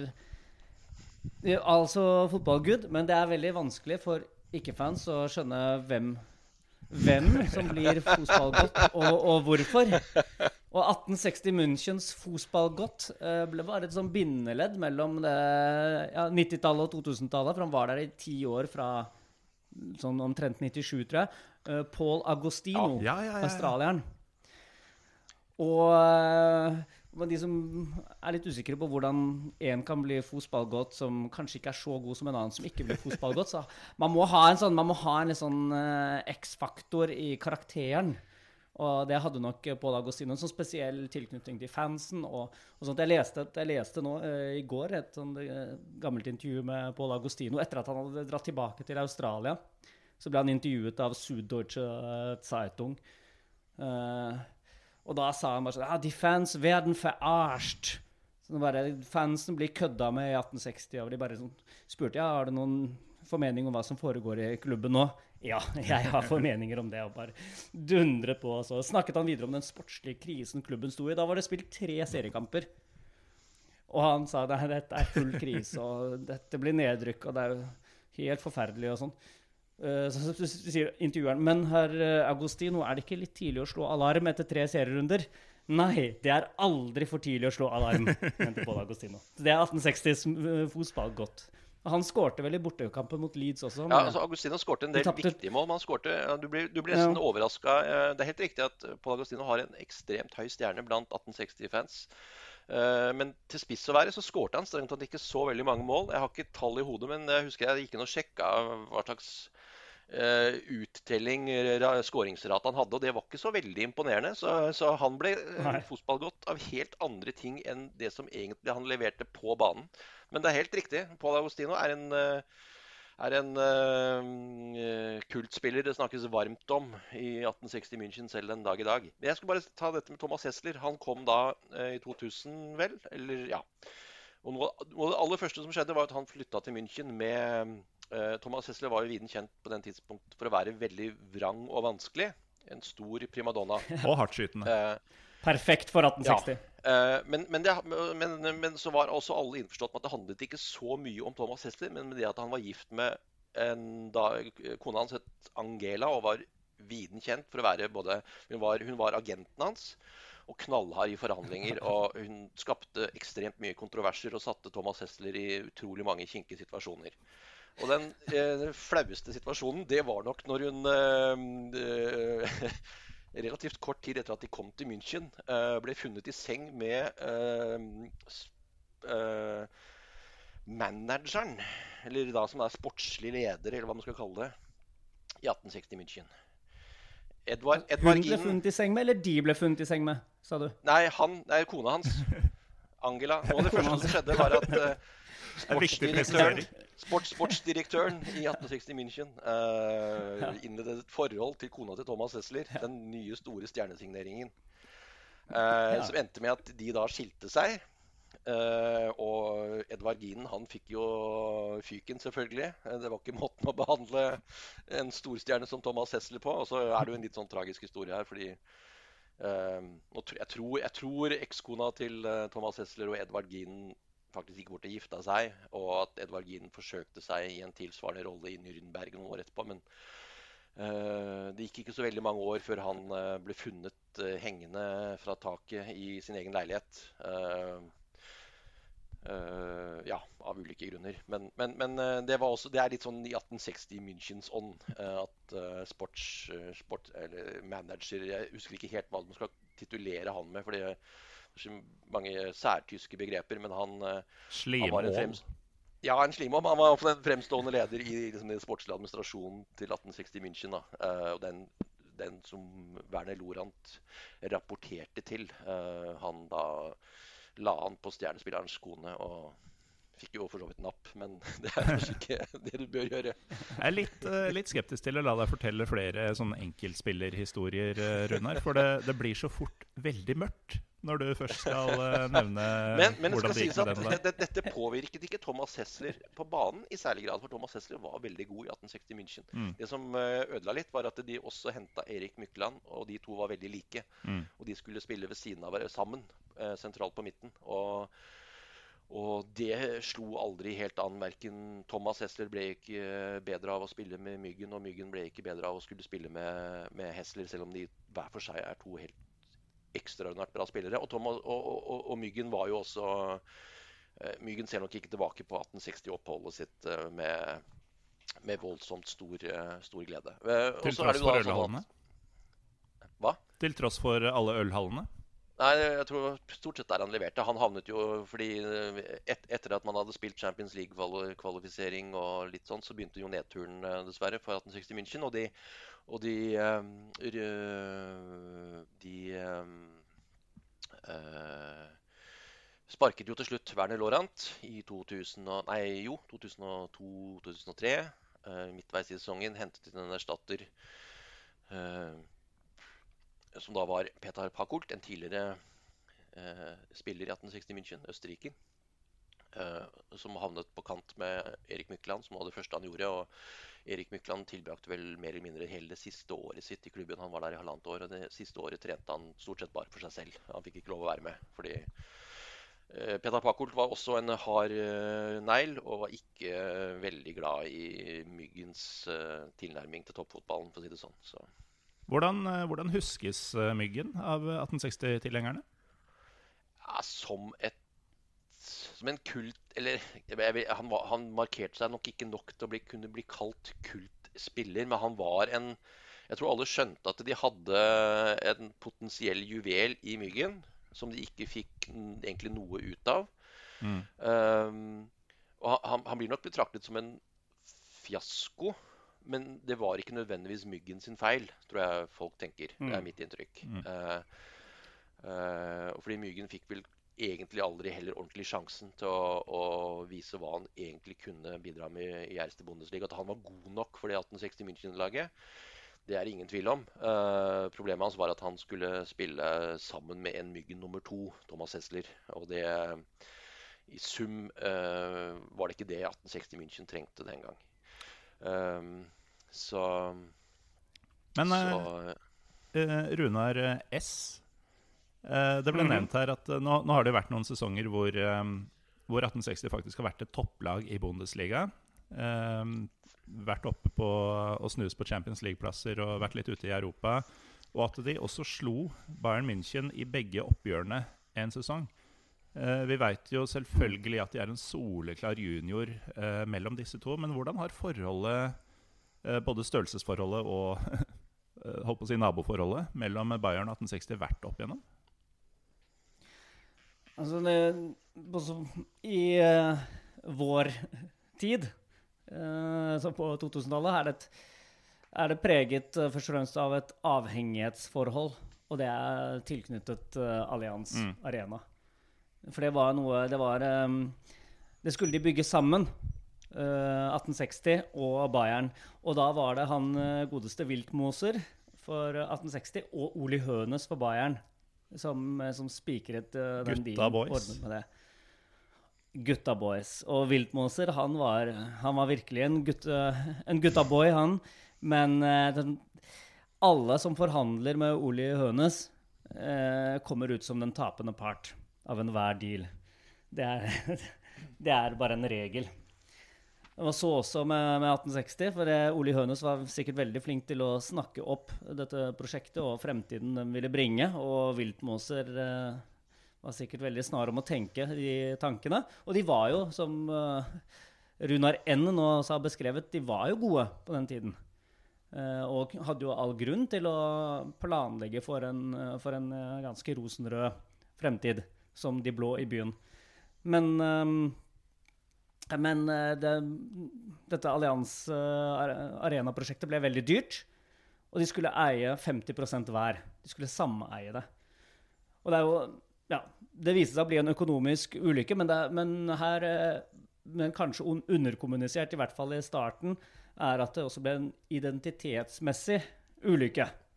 For 1860? For da ble de for 1860. Og ikke ha sitt sted, sin arena, sitt sted i byen. De har en sånn klar geografisk Selv om 1860 har fans, er mitt inntrykk, gjennom i hele byen, men også i hele regionen Bayern. Veldig mange fans eh, fortsatt. Men de, men de, stammer veldig klart fra Giesing, eh, en bydel sånn sørøst, eh, vel, i, i München.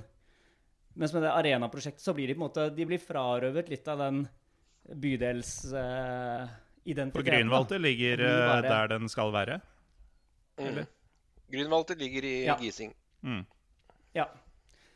Så, og også for 1860-fans som ikke er fra Gising, som er veldig mange, så er det likevel noe Det er noe feil med det. Eh, når de da sameier med, med Bayern et helt annet mm. sted i byen. Og da, det, da blir den lillebrorrollen uh, forsterket. Og så blir den kanskje mer negativ også. En lillebror, en, lillebror, en slags sånn lillebrorstatus eh, kan man bruke til mye bra som fotballklubb. Eh, når man har en klar identitet selv. Mm. Men når den blir utvisket, så sliter man veldig som, som lillebror. Så det var én side av saken, og så var det selvfølgelig det økonomiske. Så som Runar sa i stad, så rykket de ned, da. Mens dette så når de skulle spille opp til fest på den store anledningen, så, uh, på den store stadion, så rykker de ned. Og så blir det for dyrt, og så må de Ja.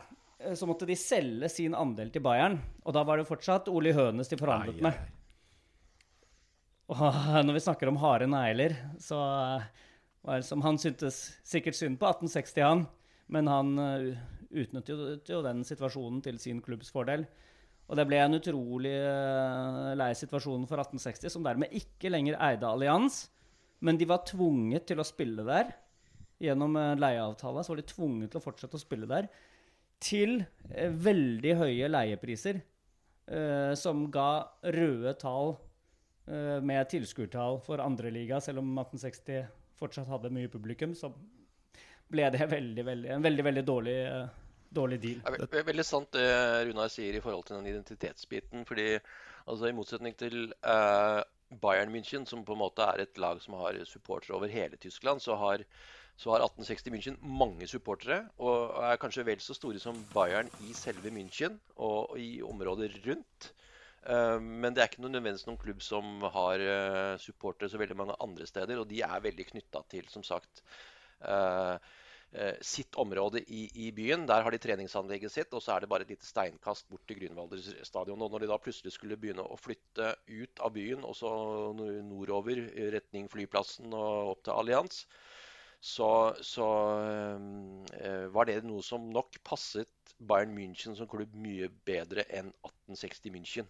Uh, så det var en fatal avgjørelse. Og så ble det jo ikke bedre av at Karl-Heinz Wilmoser i den prosessen med å bygge denne stadion uh, ble dømt for uh, korrupsjon. Uh, og uh, trakk seg som da president i 1860 München. Det, den siste sesongen de var oppe i Erste Bundesliga, ble dømt til fire og et halvt års fengsel eller noe sånt nå, sammen med sønnen sin. trakk seg som, som, president, og da sto man plutselig i den situasjonen at man var rykket ned. og man var uten begge de to personene som hadde vært med å føre 1860 München tilbake på fotballkartet. Eh, så når man da skrev stadionåpning i ja, 2004-2005, må vel det ha vært da, eh, så, så var, eh, så var 1860 München i veldig stor grad tilbake til square one. Og da hadde de også havna i et veldig økonomisk uføre, som Runar har vært inne på, som gjorde at det lå ikke i kortene at, de var, eh, eh, at det skulle bli noen snarlig retur til Erste Bundesliga. Og det, det skulle jo også vise seg å holde stikk. Jeg falt kort ut der. Jeg, jeg bor i internett-u-land Tyskland. Så hvis du har sagt det de siste sekundene, så får jeg bare unnskylde at jeg repeterer det. Men denne, det var en ganske juicy business med han sønnen til Karl-Heinz Dette har ikke vært nevnt. husker du Husker du hva han heter, Runar? Sønnen? Uh, ja. Ikke her og nå. Nei, Sønnen til alfahannen Carl-Heinz Wiltmoser heter Carl-Heinz Wiltmoser ja, jr. Det burde jeg huske. Og han ble, han, han, han ble trukket inn uh, og fikk en viktig rolle i, i klubbadministrasjonen av senior. Og så, ja Var det junior som, ble, som fikk den største dommen for disse bestikkelsene og korrupsjonene i, i kulissene her. Og siden, altså etter det, så gikk, gikk de i fengsel. Senior måtte trekke seg som president. Junior gikk i fengsel. Og siden snakket de aldri sammen igjen. Inntil senior døde. Døde, døde ikke så mange år etterpå. For, for noen år siden. Men nå har vi altså uh, røde tall i hjemmekamparrangement. Eh, vi har eh, nedrykk. Vi har eh, folk som kommer på kant med hverandre. Folk som har vært med å bygge opp klubben, som nå ikke er der lenger. Det høres ut som vi har kommet til begynnelsen på den moderne nedturen, Runar N. Hvor bærer ja. det herfra? Herifra så går vi litt inn i en ny fase med mye ørkenvandring. 1860 München er alltid på en måte å anse for å være blant opprykksfavorittene før ved inngangen til hver eneste sesong i Zweite Bundesliga. Og i de første årene så er de også med og kniver om opprykk, men, de, men litt som i, i, på, på, på um, 70-tallet så ryker de på, på oppløpssida hver eneste gang. Og gradvis så, så begynner de å, å, å sakke akterut uh, og blir mer eller mindre et etablert lag i Zweite Bundesliga. Eh, ambisjonsnivået reduseres. Eh, det som redder de en lang periode, er at de har jo, 1860 München har jo gjennom mange år vært et fantastisk eh, akademi. hatt et fantastisk ja. akademi. Produsert utrolig mange spillere. Bender-brødrene, Gebhardt, som nå er tilbake i 1860 München. Moritz Leitner, Kevin Folland. Ja, altså Lista over 1860 München-produkter er utrolig lang. Så det, det, som på en måte er med og berger klubben både økonomisk og sportslig, er at de får frem veldig mange spillere fra egne rekker. Uh, men de klarer ikke opprykket. Uh, selv ikke sesonger hvor de fall på papiret har et lag som skal være mer enn godt nok. For, for, meg som har fulgt andre, andre liga ganske nøye, men uten å følge 1860 spesielt tett, så har det vært har man tenkt etter nesten hver sommer så tenker man oh, 1860 blir, de blir harde. Oh, de blir harde neste sesong. Fordi ja, de, de, signerte alltid sånne spillere som, uh, som, man tror er skikkelig gode, før de, før de, begynner å spille og man ser at de er like dårlige som, som alle andre. våre andre spillere. Ja.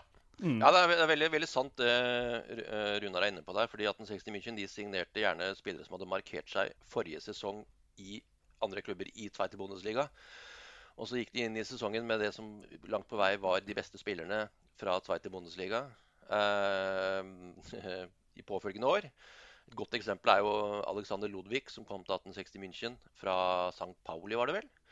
Eh, hadde vært fantastisk god der. Eh, kom til 1860 München og passet jo ikke inn i systemet til daværende trener Edvald Lien i det hele tatt. Eh, spilte en del kamper, men var aldri god. og fikk, Vi var jo aldri i nærheten av det nivået han eh, viste i sin tid. og så etter noen år så og det, og det, var liksom Da ble pluggen dratt ut, og så forsvant han uh, ut i historien med et kort mellomspill i Energi Kottbuss, og så spilte han amatørfotball bare noen år etterpå. Selv om han var i sin beste alder. Og veldig, veldig, veldig illustrerende litt for, for um, det som på papiret virka som en god idé, men som i praksis aldri fungerte for 1860 München. At de fikk tak i uh, spillere som potensielt sett så veldig lovende og gode ut, men som aldri fungerte. Uh, og så var det jo i disse årene her som egentlig var litt sånn 1860 eh, München ble gjerne nummer åtte. Eh, hadde noen perioder som var gode, litt sånne ting. Eh, og innimellom her så var det liksom Det var en Nemanja Hva het han for noe, da? Uh, Vucecevic het han vel.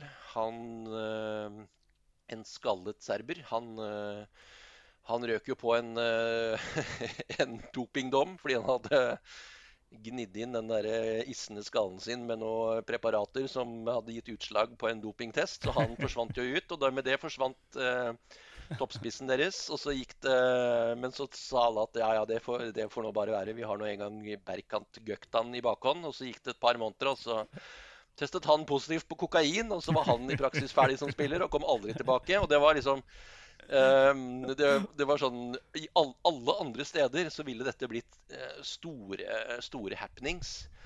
Men i 1860 München så var det liksom bare en av den daglige tralten. Det var sånn det skulle være i 1860 München. Hadde dette vært Nürnberg eller Hannover eller Eintracht Frankfurt, så hadde det liksom vært førstesideoppslag, og det hadde, gått, hadde rulla godt i mediene i månedsvis. Men, men her dette bare avstedkom sånne små notiser at uh, Spistioen var ute for henholdsvis doping og kokainmisbruk. Uh, og så bare gikk man videre på neste, i påvente av neste skandale som skulle komme fra 1860 München. Dette er sånn som skjer. Ja, da hadde de også han, ja, da hadde de også han Savio Encereco, ja, som var U-landslagsspiller for Tyskland. Han ble vel europamester på U19. Fantastisk talent. Han var vel akademiprodukt fra 1860. Ja, Så dro han tidlig til Italia. Og, sånn. og han hadde gått uh, Dette var i 2010. Og i året før hadde han gått for 100 millioner kroner uh, fra Italia til Westham. Og så fikk han det ikke til der. Og var Fiorentinas eiendom. Og så fikk 1860 klart å få han på lån for å skyte, skyte klubben opp, da. Åssen gikk det? Og Åssen gikk det? Han ble borte. Altså ikke i Som han sier, han ble borte, han var lite involvert i spill eller ble skadet eller noe sånt. Nei, han forsvant. De fant han ikke igjen. Han, uh, han, meldte inn en sånn tåredryppende historie om at stebroren i Uganda var blitt skutt, og han måtte dra og hjelpe til og sånn. Men familien hadde verken uh, Da klubben sjekket med familien, så hadde de verken uh, hørt noen ting om at stebroren skulle være skutt, eller sett noe til denne Savio i Uganda. Så ja. Nei. Så da ble den kontrakten kontrakten revet i stykker før de, før altså, de fant det, er, det er så mye absurde greier her. Ja, så, sånne, og det, det, er mange, det, er mange, sånne historier om uh, sånne ting som altså det, det, kan oppstå enkeltepisoder i andre klubber også, men det, kan, det, oppstår rett og slett ikke i samme omfang som, uh, som, i 1860 München. For dette var nesten en sånn årlig foretredelse. Hvor, hvor smeller det i år? Hvem er det som ryker på en uh, en, eh, en eh, annen form for uh, skandale som gjør at det blir en trist sorti i, i klubben. Altså det, det, det, var, også, det var, var, egentlig det som var på en måte beholdningen med 1860 München i disse årene hvor de, hvor de forsøkte å, å, å, komme tilbake til Erste Bundesliga etter nedrykket. Da. Og så og så artet jo sesongene langt på vei seg sånn helt frem til 2011, hvor klubben var eh, bare et eh, eh, et lite halvminutt fra, fra, å gå konkurs. Og så gjorde en jordansk investor, Hassan Ismaik, entré og reddet klubben. Det skal sies. Det er viktig å få frem. Altså, uten Hassan Ismaik der og da, så hadde 1860 i München ikke vært her i dag i den formen vi kjenner det. Det er helt sikkert. Men Hassan Ismaik, uh, han skulle gjøre opp for det? Han skulle fort, relativt fort gjøre opp for det. For han, han, han, kjøpte jo 60% av klubben, uh, betalte ned gjelden. Ryddet opp uh, i, i hvert fall på kort sikt økonomien, sånn at klubben fikk fornyet lisens. Kjøpte 60% men så er det jo da denne 50 pluss 1-regelen i Tyskland som gjør at han satt likevel bare på 49% av aksjene. Og det hadde han egentlig ikke sett for seg når han overtok. Han hadde ikke satt seg så godt inn i ting. Så det kom som en veldig stor overraskelse at han ikke hadde beslutningsmyndighet i 1860 München. Eh, han har ikke satt seg veldig altså, godt inn i ting da, nei? Nei, altså, han hadde mer penger enn vett. Altså, alle, alle, alle, som investerer i en fotballklubb, har mer penger enn vett. Det er jo mm. en, grunnregel. Og i hvert fall i 1860, hvis du går inn med penger i 1860 München, så er det jo Da er det jo uh, da er du jo gal. Det, så, så, ærlig må vi være. Men, og, men, den konsekvensen av dette her var jo at når han oppdaget at, at hans ideer for 1860 München uh, ikke samsvarte med, med, resten av klubben For her, han kom som en jordaner uten noen forståelse av tysk fotballkultur med mer. Uh, så ble han jo møtt av massiv motstand av medlemmer og, og øvrig styre og stell i klubben. Og siden 2011 så har disse grupperingene da ligget i en ekstremt uh, følelseslada, sterk eh, konflikt med jeg vil nesten si daglig offentlig skittentøyvask og æreskjelling og, og, og i, to, to, to, fraksjoner som på ingen måte har trukket i samme retning siden 2011. Ja, På den åpningspressekonferansen hans så snakket han om det globale merkenavnet 1860 og, og om eh, FC Barcelona som, som sportslig forbilde. Så han var sånn, og han regnet jo med at dette vet du, dette digger fansen. Nå, det, alt de drømmer om, er, eh, er gylne tider og et godt lag. Og sånt funker kanskje overfor Premier League-fans, men, men, det var jo ingen 1860-fans som lot seg begeistre av det, selv om klubben lå med brukket nakke og alt. så og ingen som ville høre om eh, globalt merkenavn og, og, Barcelona, for de var jo livredde for å miste kontroll over klubben sin.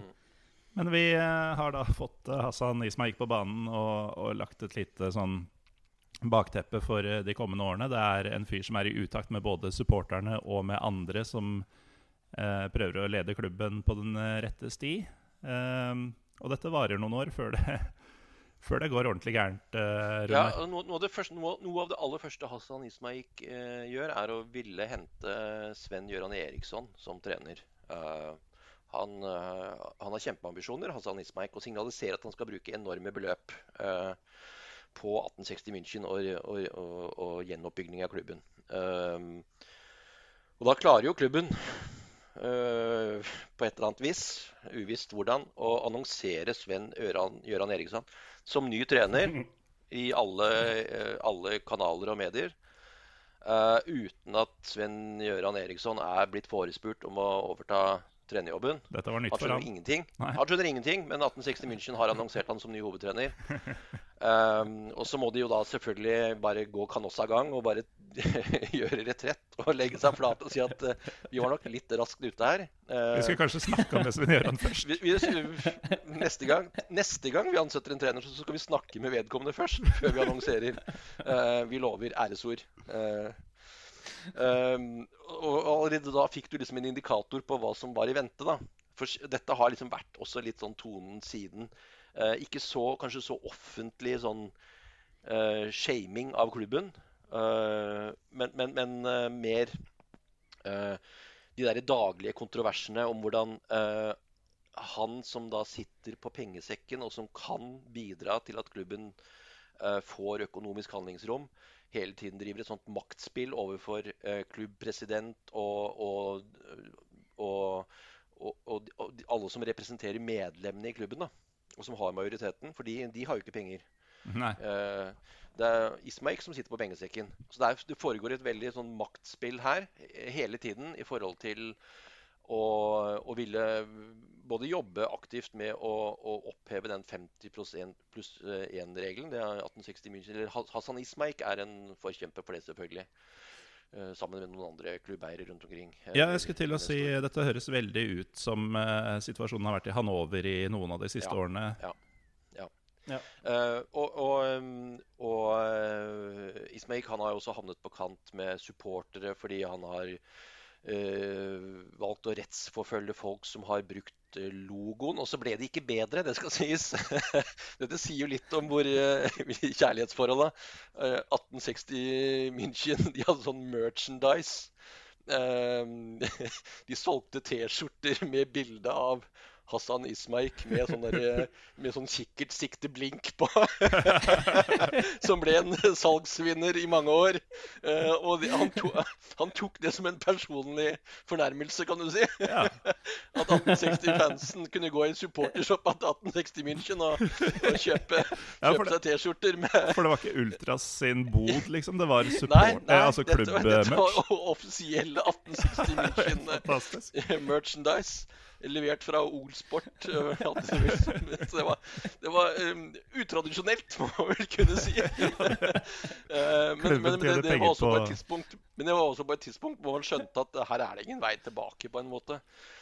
Så, så de, de, årene som har gått siden 2011, det har vært Det har vært, uh, det har vært uh, Hva skal man si? Det har vært åtte-ti Eh, kan man bruke begrepet farse, farsefulle år? Altså det har vært ja.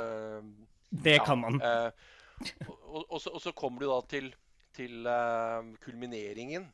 og det var jo absurd nok på et tidspunkt hvor Hassan Ismaik faktisk hadde bestemt seg for at OK, nå skal jeg prøve å komme klubben litt i møte her. Så skal jeg legge masse penger på bordet.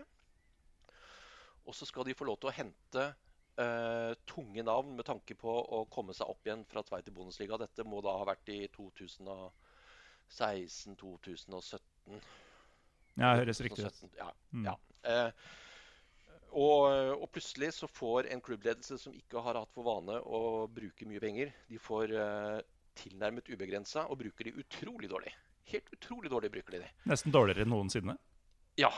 Uh, henter tilsynelatende bra navn, men til en prislapp som er helt absurd. Altså, de henter Stefan Eigner, et tidligere 1860-spiller.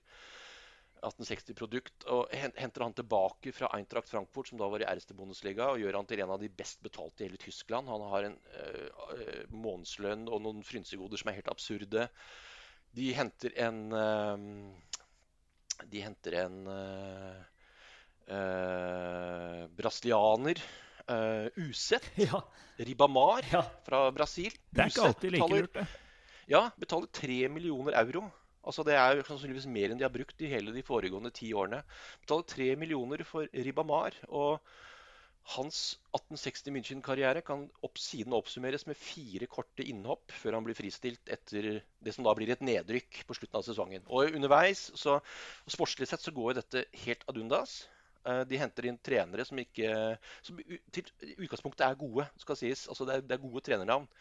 Men øh, funker ikke i 1860 München av ulike grunner. De henter bl.a. Pereira fra Portugal, øh, som ikke skjønner noen ting av tysk fotball, og som ja, sier alt det han ikke bør si, og gjør alt det han ikke bør gjøre og gjør situasjonen fryktelig vanskelig for seg selv midtveis i sesongen etter at de har eh, sparket Costa Runjajic, som jo ikke er en veldig bra trener. Men det funker jo ikke i det mm. hele tatt. Um, og så henter de Christian Gytskjær for to millioner euro fra Rosenborg eller noe sånt. Også, pengene sitter veldig løst og brukes på enten veldig dårlige spillere eller spillere som siden ikke viser seg å slå til. Og det er en fryktelig dysfunksjonell klubb i den nedrykkssesongen. På papiret så er det et mannskap som som, som, bør være ganske bra, men, men, men Som bør rykke opp, ja, rett og slett? Men, men de, i stedet så rykker de jo da til slutt ned etter playoff. Og, ja, for de rykker og, i relegation, relegasjon, som de liker å kalle det i Tyskland, mot ja. uh, den bayerske naboen eh, Jan Regensburg, hvis jeg husker riktig. Stemmer. Og det, er, og det er verdt å merke seg her at dette var jo altså, uh, 1860 München hadde jo reddet seg da de to foregående sesongene helt på tampen. De hadde reddet seg i relegasjonsspill sesongen før med scoring på overtid. Og så hadde de så vidt unngått mm. relegasjonsspill uh, to år tidligere. Så det, det var liksom litt sånn varsla nedrykk. Men akkurat denne sesongen så hadde de jo nettopp av den grunn, så hadde jo mm. klubben mm. mobilisert noe voldsomt. De hadde ordna opp, liksom, Ja, de hadde ordna opp. Og så gikk det jo ja. fullstendig ad undas. Og når du gikk og det, og, det, og, det, og det, satt jeg og følte på, og det tror jeg alle andre 1860 München, alle som jeg snakker med, de satt og følte på akkurat det samme. At ved inngangen til de der to kampene mot Jan Regensborg, så var dette kamper som var ferdig tapt i forkant. Og, og Jan Regensburg møtte opp i den uh, kvaliken som egentlig ganske sensasjonslag i tredjeliga. Ja. Altså, de, de, skulle ikke rykke opp den sesongen, så de var det var uh, en gruppe dårligere spillere, men et veldig sammensveiset lag som fløyt på en, eller surfet på en sånn bølge av, uh, av medgang og syntes det var dritkult å møte 1860 til eh, kvalik og 70 000 på Olympiastadion Nei, på det høres ut som en rake motsetning, da. Med et velfungerende maskineri Nettopp. Eh, av folk som vil hverandre vel, mot eh, en gjeng overbetalte mm. folk som ikke skjønner verken klubb eller kultur. Og som eller... syns anledningen mm. bare er dritkul. 1860 München, uh, altså de kampene der, de var, de var ferdig tapt uh, ved, ved, inngangen til det. det, det uh, jeg hadde null forventninger, husker jeg, ved inngangen til de kampene de, de to kampene. Det, jeg så, så, det på, som tilnærmet helt umulig at det laget der skulle mobilisere nok til å, til å, slå ut et lag som kom inn i de kampene med litt vind i seilene fra divisjonen under. Det, det så jeg som helt utenkelig. og og det gjorde nok de fleste andre også som hadde fulgt klubben gjennom det året, at uh, dette, dette kom ikke til å gå. Og det gjorde det jo heller ikke. Og så rykket de ned, og så og Vanligvis så ville jo det betydd uh, at man skulle ned til dritteliga, men uh, ja. Hassan Ismail ville det annerledes. Ja, han ville det annerledes. For nå så jo han sitt snitt her til å tegne og forklare for omverdenen at hadde dere bare lyttet til meg og latt meg lede klubben, så hadde vi befunnet oss et helt annet sted. Så han fant ut at han som satt på pengesekken, han skulle ikke betale uh, uh, Han skulle ikke betale uh, Eller oppfylle de økonomiske vilkårene for å få lisens til spill i dritte Bundesliga. Så 1860 München de ble jo da eh, i praksis slått konkurs og flyttet ned på nivå fire igjen. Eh, 20 år, 30 år etter forrige gang. Um, og den, den, største konsekvensen av det var nok ikke sånn i forhold til A-laget. altså Du vet at 1860 München de vil jo alltid komme tilbake i hvert fall ett nivå, kanskje to. Mm. Uh, men det som var veldig ødeleggende for 1860 München i forbindelse med den konkursen, det var jo at den ungdomssatsingen som de hadde vært ja. fantastisk gode på, den ble kraftig redusert. Og i dag så er jo ikke uh, ungdomsavdelingen i 1860 München i nærheten av det nivået den holdt for 10-15 år siden, hvor de produserte det som skulle mm. bli fremtidige tyske landslagsspillere i veldig stort monn. Eh, så, så, det var kanskje den største Det var, den, det var vel kanskje den øh, mest den største konsekvensen da, av, av, den tvangsdegraderingen de blir gjenstand for. Fordi de, de rykket jo umiddelbart opp igjen. Mm. Uh, Riktignok Til drittet, bare? Ja. Til der de eh, egentlig og, skulle være etter nedrykket. Ja, eh, og de, og de, rykket opp egentlig ganske ufortjent. De, de, de, feide jo gjennom divisjonen sin og vant divisjonen sin veldig, veld, veldig greit. Eh, men møtte et veldig godt Saarbrücken i to, to kvalifiseringskamper. Mm. Og Saarbrücken var mye bedre i begge oppgjør. De, tap, de, vinner avdelingen sin og taper kvaliken ja, hvert år, de. Men nå, nå, er de tilbake. Nå rykker de opp. Endelig. ja. Uh, og Saarbrücken kommer til å bli en sleger allerede nå, det kan jeg varsle. Men, men Saarbrücken, de, de, Altså, alt, alt, alt, gikk 1860 Münchens vei i de to kampene. De fikk Altså, Saarbrücken fikk en mann utvist. Fortsatte å dominere, men, men uh, 1860 München kom seg gjennom disse kvalikkampene og rykket opp igjen, da. og hevdet seg forbausende bra i fjor. Og nå hadde Daniel Birofka, mm. en gammel klubblegende, overtatt trenerjobben. Hadde vært tidligere reservelagstrener og, og, vært såkalt interimstrener ved en håndfull anledninger. Uh, har jo vært et tema tidligere i en annen podkast, men, men, Daniel Birofka er vel den eneste hovedtreneren jeg vet om som har etterfulgt seg selv som interimstrener. Men det er vel også bare i 1860 München at sånt kan skje. Uh, hvor de annonserer at uh, Daniel Birovka har blitt avskjediget som hovedtrener, og klubben har ansatt eh, Daniel Birovka som midlertidig eh, hovedtrener i påvente av en ny trenerløsning. Men Det er helt fantastisk. Men, men, der, men, der, har vi altså 1860 i dag. De, de har vært uh, nede på regionalliganivå. Er nå sånn mer eller mindre forankra i drittet, vel? Ja, eh. nå, nå, altså akkurat as we speak. Nå er det jo uh, Dette er jo en søndag, og det er bare en time til de skal møte Duisburg hjemme. Mm. Uh, og nå har de jo altså, Daniel Birovka har jo da rukket å trekke seg siden dess. Ikke blitt erstattet av seg selv, men av en Michael Kölner, som tidligere trent Nürnberg. Og Michael Kölner, verdens mest ukarismatiske menneske. Altså, det er, uh, han har karisma på linje med en tørr svamp i, i grunnskolen. men etter at han overtok eh, i oktober-november i fjor, så har jo 1860 München ikke tapt en kamp omtrent. Så de har klatra gradvis oppover på tabellen. Og selv om de før dagens kamp, dette er en søndag, møter Duisburg, eh, topplaget, ligger på niendeplass, så er det to poeng opp til eh, kvalifikasjonsspill. Oi.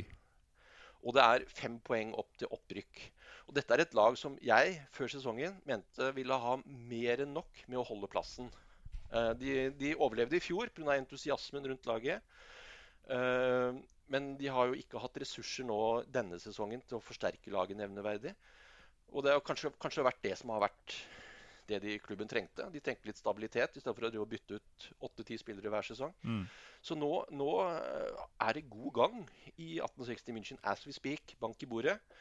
Uh, og de har faktisk los på, på hvert fall uh, kvalifikasjons- eller relegasjonsspill. Og til og med direkte opprykk, for det er ganske mange serierunder igjen. Så, så, hvis de fortsetter De er vel det laget som har sanka flest poeng, tror jeg, siden Kölner overtok uh, som 1860-trener i, i november eller noe sånt. Runar eh, Skrauseth, du, du, følger jo godt med på lavere divisjoner i Tyskland. Eh, hvilken sjanse vil du gi 1860 denne våren? holdt jeg på å si? Nå er det jo sommer straks.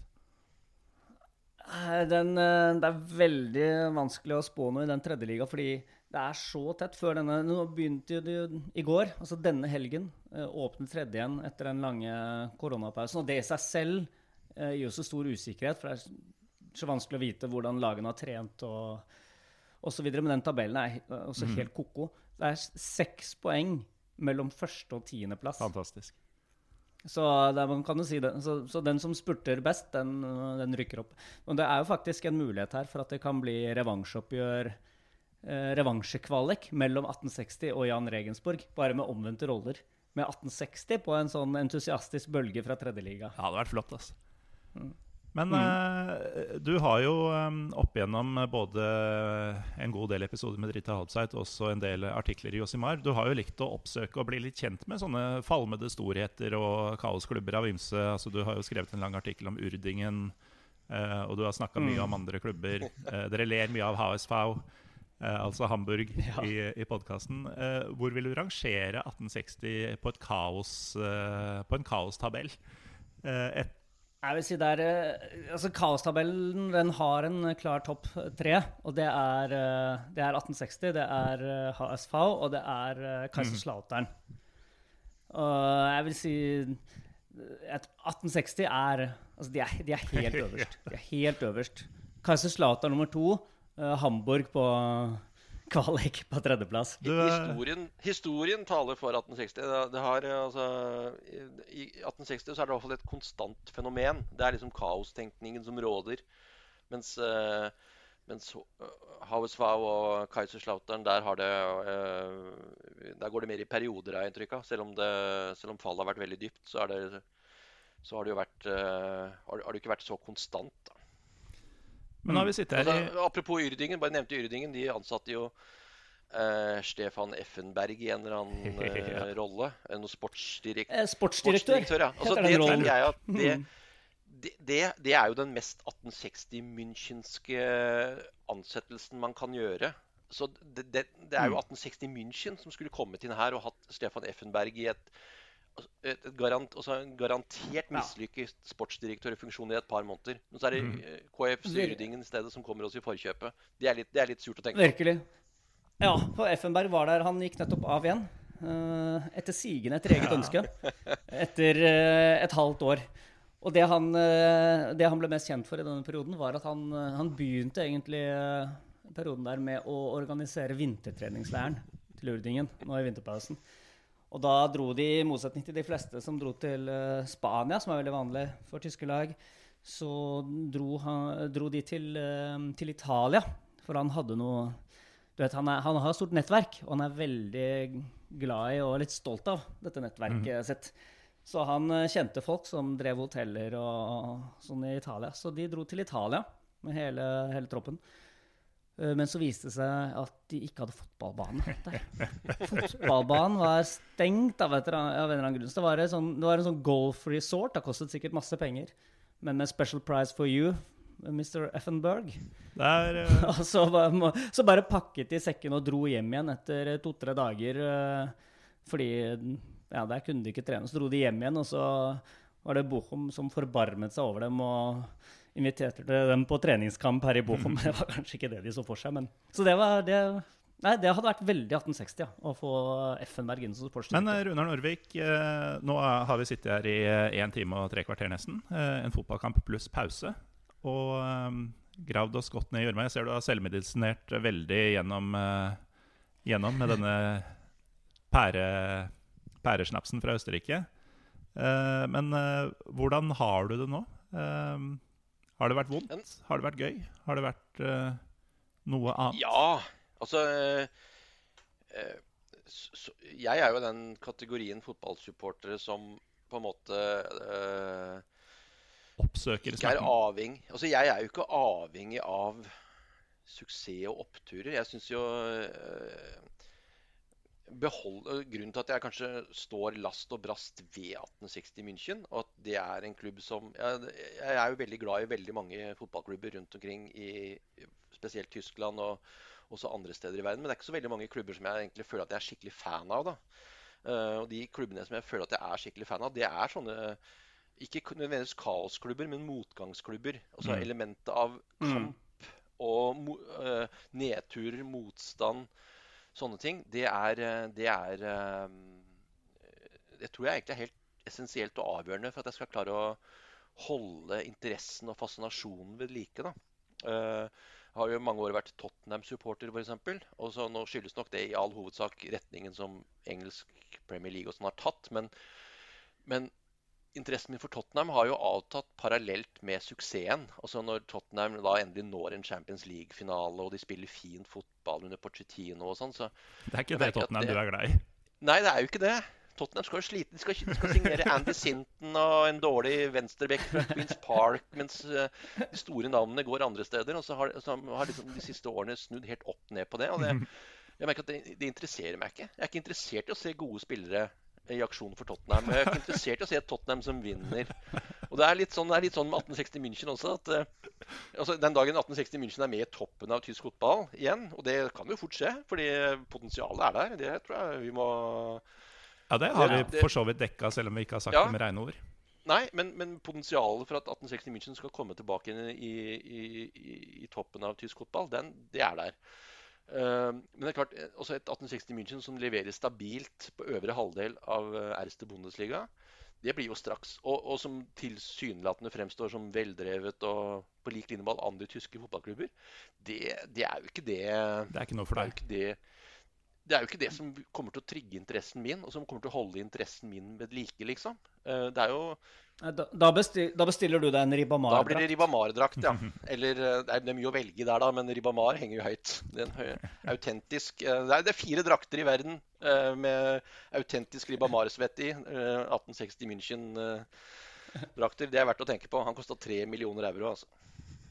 Så veldig mye svette. Nei, det var ikke det. Det var også noe av problemet her. At det var ikke så mye svette i de draktene.